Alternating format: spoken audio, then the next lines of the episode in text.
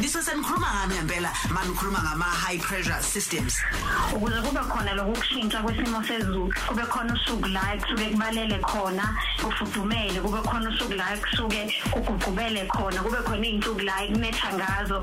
Ingenxa yokuthi kukhona imimoya ekhona la kwi-atmosphere ehambayo kwi-atmosphere. Yini ke ehambisa le moya esikhuluma ngayo kwi-atmosphere? Yizo kanye lezi zinto okhuluma ngazo esithi ama pressure systems. Ama pressure systems ethu ahlukene kabili. Eyokuqala ile esithi low pressure system yesibili esibiza ukuthi high pressure system. I high pressure system ke mroza ilapho khona ekusuke kukhona ingcindezi enkulu eh maphakathi nayo le system. I system enkulu kakhulu. Lalela uDJ Skeme noRosa njalo ngomsombuluko kuya kulesihlanu kwivuka Africa Breakfast Show. Siseklasini siyafunda uyazi ukuthi ke siyayithandela ke thina into ethinta nje ezemfundo noma ngabe sifunda yini ukufunda ukufunda noma yini into ezokwenza nje ingqondo yakho ithi ithi thuthuka kancane awuba kithi akingisalise ngibingelele odadewabo lapha eSoweto eKawhelo High eh, Primary School. Eh ngiyabonga kakhulu ngibonile nijabulela ilibrary yenu. Eh mcebo langa siyabonga bakithi lapha kwaRini ukuthi ingane zikwazi ukuthi ithole nje eh, eh, enhle ilibrary zikwazi ukufunda. Ngoba kubalekile ukuthi siqhuquzele isiko lokufunda kodwa ke kwamanje eh ake ngiye la kuwena eh phakathwayo phakathwayo uthandiwe siyakubingelela ngibingelele kulithimba lonke kanye nakubalaleli Mm. Dadwethu namhlanje sizofunda ngendaba ethinta ama basic weather concepts. Eh kodwa ngiyafisa ukuthi wena usihlaziyele kahle ngolimi lwethu soliqonda ukuthi ngabe sikhuluma ngani masikhuluma eh ngalama basic weather concepts. Um Rosa ma sikhuluma ngama basic weather concepts sikhuluma ngezinto lezi abantu abake basizwe sikhuluma ngazo mihla namalanga njengokuthi masithi kufudumele sisuke sisho ukuthini? Makubanda kusho ukuthini? Makubanda kakhulu kusho ukuthini? Eh inamba lezi siyisebenzisayo ama percent lawo esikhuluma ngawo nawo asho ukuthini? Sikhuluma nje la ngokuthi ulimi esisebenzisayo lapha ka weather lezi zinto esisuke siyichaza sithi guqubele eh, noma kubalele sisuke sibheka izinto ezinjani futhi sisuke siyibheka kanjani lezo zinto. Hmm ake sibukeke la eh ukuthi mhlawumbe uma senikhuluma ngiyengizwe senikhuluma ngama percentage eh nithi angazi ama percentage eh mhlawumbe emvula eh kunjani kunjani. Nifika kanjani lapho? Yini yona leyo la uma percentage aza kuthiwa ama rainfall percentages asuke kalwe kanjani? Kusho ukuthini kumina? Njoba ngisuke ngilalele nikhuluma lokho ukuthi mhlawumbe nithini kumina? Yilezo zinto nje ngifisa ukuyiqonda. Okay manje mhlawumbe ngaphambi kokuba siye lapho ukuze umlalela iqonde kangcono lento kungamele mhlawumbe siqale la ekuqaleni ukuthi esikhathini esiningi sike sithi masikhuluma ngesimo sezulu abantu abaningi bathi sikhuluma ngegeography eh ngisho abantwana bayenzayo igeography esikoleni bayazazi izinto eziningi engike ngikhulume ngazo lapha. Kodwa mroza eh kuyathusa mase abantu sibatshela ukuthi ukuze ungene kulomkhakha ukuba isangoma sezulu akudingi ukuthi ube no geography ukuze ungene kulomkhakha udinga ukuthi ube ne mathematics kanye ne physical science okusho ukuthi kufanele uyiqonde science phinde futhi kanye ne-mathematics uyazi eh ukwazi nokubala ukwazi nokwenza. Yingakho ke esikhathini esiningi sisebenzisa izinamba sisebenzisa wona lama percent okhuluma ngawo. Lama percent okhuluma ngawo ke izinto lezo sisuke sesibhekile ama tools ethu ahlukahlukene amaningi. Mase siphuma nalama percent athize. Ama percent ezivumeleke ukuthi siwasebenzise emroza ambalwa. Sivumeleke ukuthi sisebenzise u30% sivumeleke ukuthi sisebenzise u60 u80% kanye no100% 100% asijwayele ukusebenzisa esikhathini esiningi. Ngizochaza izizathu salokho. Kodwa ke mhlawumbe ngiqale la ekuthenini lama percent aqonda ukuthini? Lama percent aqonda izinto ezimbili bros njengoba sengichazile la ukuthi kulomkhakha siyabala.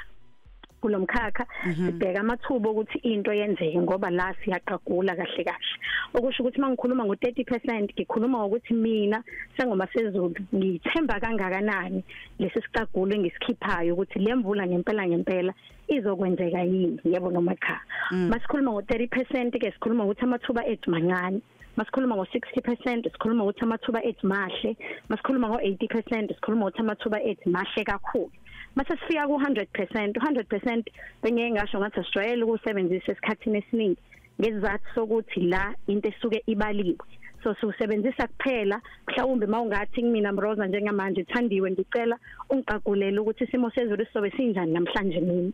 Sisebenzisa lapho makuyisikhathi esincane esiseduzane kukhona isystem enkulu esiyaziyo ukuthi iletha imvula kodwa vele leyo system esikhuluma ngayo isiqalile yayiletha lemvula esikhuluma ngayo silindele ukuthi iqhubeke iyilethe. So okokuqala sikhuluma la ngokuzithemba noma ngokuthi amathuba ukuthi lento engiyishoyo yenzeke. Okwesibili mrose ngama percentage akhuluma ngokuthi eh iarea noma indawo ezokhaveka noma indawo ezothola lesi simo esikhuluma ngaso. Masithi esifundazweni saKwaZulu Natal amathuba emvula azofika ku30% kusho ukuthi esifundazweni saKwaZulu Natal kungenzeka kube u30% wesifundazwe kuphela ozothola lemvula esikhuluma ngayo. Hayi sonke isifundazwe. Ingakho ke ukuthola esikhatsini esiningi sinabalaleli eh singasazwani kahle eh ngokuthi omunye mangithe u30% kwase kwanethe imvula enkulu. Ukathi hayi nina nithe u30% amathuba eh kanti u30% yini? Noma ngesinye isikhathi sithi u80% amathuba ezimvula ezilindelekile mase kuyanetha kodwa kukhize masethe omunye hayi amasiphosiso lento yindaba ngingazange kube khona imvula enkulu kakhulu ngesizathu sokuthi mina bengithe u80% shothi mangithi u30% imrose mase kufika uzamcolo leyo forecast noma lowo mqagulo ucorrect. Kanjalo mangithe u80% mase kufika umkhizo nayo leyo forecast icorrect ngoba ipercent lele ngikhuluma ngalo lichaza amathuba lichaze nendawo esilindele ukuthi lemvula ifike kuyona. Hayi ngicabanga namhlanje sifundile sesiyayiqonda ke ngeke salokhu sikhuluma into eyodwa ngisho nasey'nkundleni zokuxhumana sesiyaqonda ukuthi kusuke kukhulunywa ngani. Uma ngabe senikhuluma senikhuluma bese nithi amazinga okushisa aphakathi kabani nobani. Nisuke senithini ke lapho sekuthiwa ama temperature lapho sibona o maximum o minimum mhlambe nisuke nithi thina ayikuphi kufuna sikuthathe njengoba nithi amazinga okushisa eginga indlova phakathi mhlambe kuka 10 no no 20 ngiyafanekisa nisuke nithi yebo lapho sisuke sike sibheke kakhulu amazinga okushisa aphansi kunabo bonke osukwini. Lokho sithi ama minimum temperatures sibheke amazinga okushisa aphezulu. Lokho sithi ama maximum temperatures. Ama minimum temperatures ke noma amazinga okushisa lawa phansi twajayela ukwathola ezikhathini zasekuseni. Ngaphambi kokuba ilanga liphume. Mase kuthi lokhu esithi amazinga okushisa aphakeme sijwayele ukwathola ezikhathini zasemini eh ekhathini zangabo 2 kakhulukazi. Eh izathu sokuthi sike sigxile kakhulu kulawo ma temperatures noma kulawo mazinga okushisa izathu sokuthi ekseni sibala ukuthi abantu abaningi basuke bephuma beye emsebenzini beyikoleni endaweni ezahlukahlukene. Kanti emini abantwana besikole ngeyazo lezi ikhathi zabo 2 basuke sebezophuma abanye ezikoleni ezinye izikole isuke inemidlalo ezidlalayo kuningi okusuke kwenzeka oza kwethu abanye abasebenzele eminyango basuke nabo. Mhlawumbe kunemicimbi abanye abayihlelile so sike sigxile kakhulu kulezo zinto. Kodwa mhlawumbe engase ngigxile la ekuthenini nike nisizwe sikhuluma sithi kuyabanda. Kufudumele njalo njalo lapho sisuke sikhuluma ngani. Lapho ke sibheka ama temperatures ethu ukuthi ame kanjani. Mase sisetha noma sibeka irange le esiyibukayo mase sisho lokho esikushoyo. Ngiyaqala nje lapha ya ngithi ama temperatures ethu aphakeme mayezoba u10 degrees Celsius kuyela phansi ilapho sike sithi khona kuyabanda kakhulu. Makuwukuthi azosukela ku11 degrees aye ku17 degrees ilapho esithi khona kuyabanda. Mayezosukela ku18 degrees aye ku24 degrees Celsius ilapho sike sithi kupholile.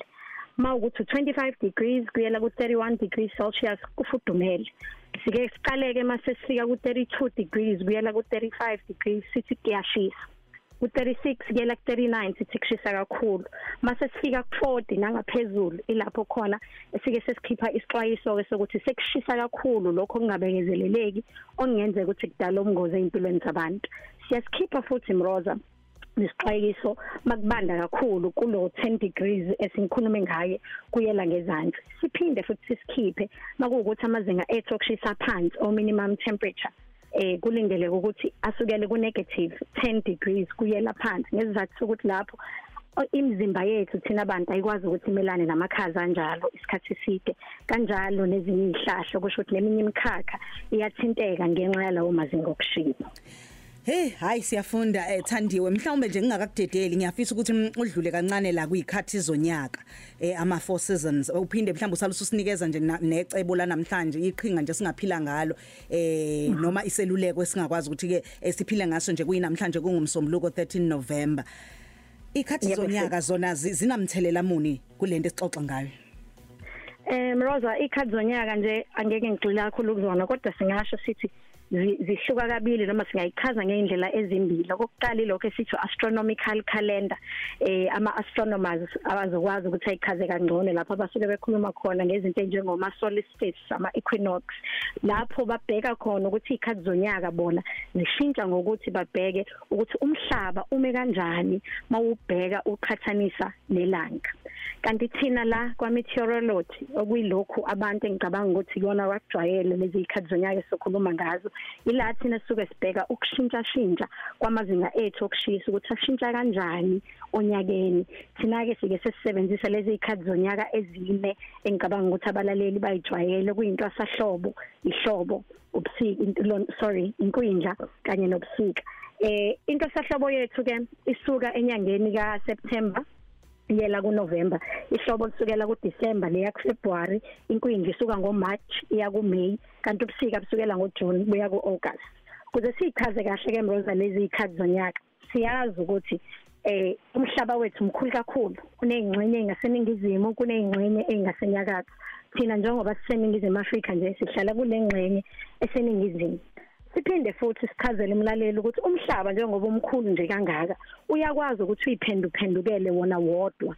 Ukuphenduphenduka lokhu okwenza mihla namalanga kuthatha isikhathi esingango 24 hours amahora ngo24 kusho ukuthi isikhathi esingangosuku. Ngaphezulu kwalokho mroza kunento esiyaziyo kakhulu esithi ilanga umhlaba lo esiphila kuwo uyalizungeza leli langa ukuze uzungeze leli langa esikhuluma ngawo umhlaba kuwuthatha izinsuku ezingango 365 and a quarter day ukuthi uzungeze leli langa kuze kuphele lokuzungeza ekuzungezeni kwawo ke eh, umhlaba leli langa ingakho mhlawumbe ngingathinta nala ekutheni ingakho emva kweminyaka emine sike sibe nonyaka onezinsuku ezo 366 ngoba suke sesihlanganise lamakota awu4 akhipha usuku olulodwa liphelele ngaphezulu kwaloko emrozo njengoba ngithe umhlaba uzungeza leli langa awuzungezi nje leli langa umile uqondile ustraight. Umhlaba uxekile kancane uxeke kwiangle esingathi 23.5 degrees njengoba utshekile ekuxekeni kwawo ke mawulokhu uzungeza leli langa kufika izikhathi zonyaka lapho khona ingxenye engasenyakatho kuye kube yiyona esondele kakhulu ngaselangeni. Kuphinde futhi kufike isikhathi ingxenye lapho engaseningizimu lapho thina esakhe khona. Ekusuke kuyiyona esondele kakhulu ngaselangeni. Ngalezo ikhathi zonyaka lapho khona ingxenye engaseningizimu ekusuke kuyiyona esondele kakhulu ngaselangeni. Ilapho khona sike sithole lesi sikhathi sisikhathi sasehlobo. Lapho khona sike sibone ukuthi izinsuku zethu noma imini yethu iba yinde kunobusuku. Ngekhathi lapho khona enyakatho kusuke kuyisehlobo lapho khona thina esithola ilanga kancane okuyisuke thina kuyisikhathi sasebusika esisuke sibona khona ukuthi imini yethu impishane eh masiqhathanisa nobusuku. Mase kuba khona izikhathi lezi esiphakathi nendawo lapho khona imini kanye nobusuku kucishe bulingane lapho ke sisuke sikhuluma khona ngentwasahlobo kanye nenkwindla mhlawumbe kumlaleli sengayibuza ukuthi zibaluleke ngani lezi zinto kuthina? Zibaluleke kuthina? Ngesizathu sokuthi mroza esikhathini lezi esingazitholi ngalo ilanga kakhulu kuningi okwenzakalayo. Kuba khona izihlahla noma izithelo nemithombo engakwazi ukuthi ikhule kahle kusho ukuthi khona ukudla esingakwazi ukuthi sikuthole ngalezo ikhathi okugcina lokho kuthikameza ukudla esikudlayo nokudla esiktholayo sigcine ngesinye isikhathi ukudla fanele sikuthathe emazweni angaphesheya. Yeah. esinye isikhathi sibona nezilwane ezinye ziyakoqasha mase kubanda kakhulu ngoba ayikwazi ukumelana namakhaza. Sibone ezinye i- iy'lwane e- ey'jwayele ukuthi eh zihlale emanzini abanda kakhulu. Zinyukele ey'ndaweni ey'jwayele ukuthi yifudumale. Bazokwazi abadobi ukuthi bathola ufish abaningi ngey'khathi ey'thize zonyaka abangajwayele ukuthi bayithole babathole nangezinye iy'khathi zonyaka. Lokho-ke siyakuthakasela noma siyakujabulela kakhulu ngesizathu sokuthi kuyawunyusa umnotho waseningizimu Afrika. Siphinde futhi mrozo kubaleka kakhulu mhlawumbe singathinta kubona ukuthi ngalezi ikhathi zonyaka esuke singayitholi ngazo lelilanga lokho ku- ku- kusicindezela ngokuthi asiyitholi kahle hle nemvula. Masingayitholi kahle imvula kusho ukuthi amanzi awabibikho kahle kuthina. Okudala ingcindezi kakhulu ebantwini bakithi okudala ukuthi abantu bakithi bangakwazi ukuthi bathole amanzi. Ah siyabonga kakhulu Thandiwe. Siyabonga kakhulu ngokuthi lokhu kanye nathi ngathi sonke isikhathi uma ngabe sithi vuka uqonde kabanzi ngokuguquguquka kwesimo sezulu. Ngiyazi ukuthi ke eh usazophinda ugxile kakhulu endabeni ethinta ikhathi zonyaka. Eh uma ngabe ke sibuya nangesonto elizayo uphinde uqhubeke nezinye izinto. Siyabonga kakhulu dadewethu. Ngiyabonga mroza nibe nosuku oluhle. Sibonge kakhulu ke uyena ke osuke esitshela njenge weather forecaster eqhamuka lapha ke SA Weather Service. Ukubaluleka kakhulukazi kokwazi ukuguquguquka kwesimo sezulu.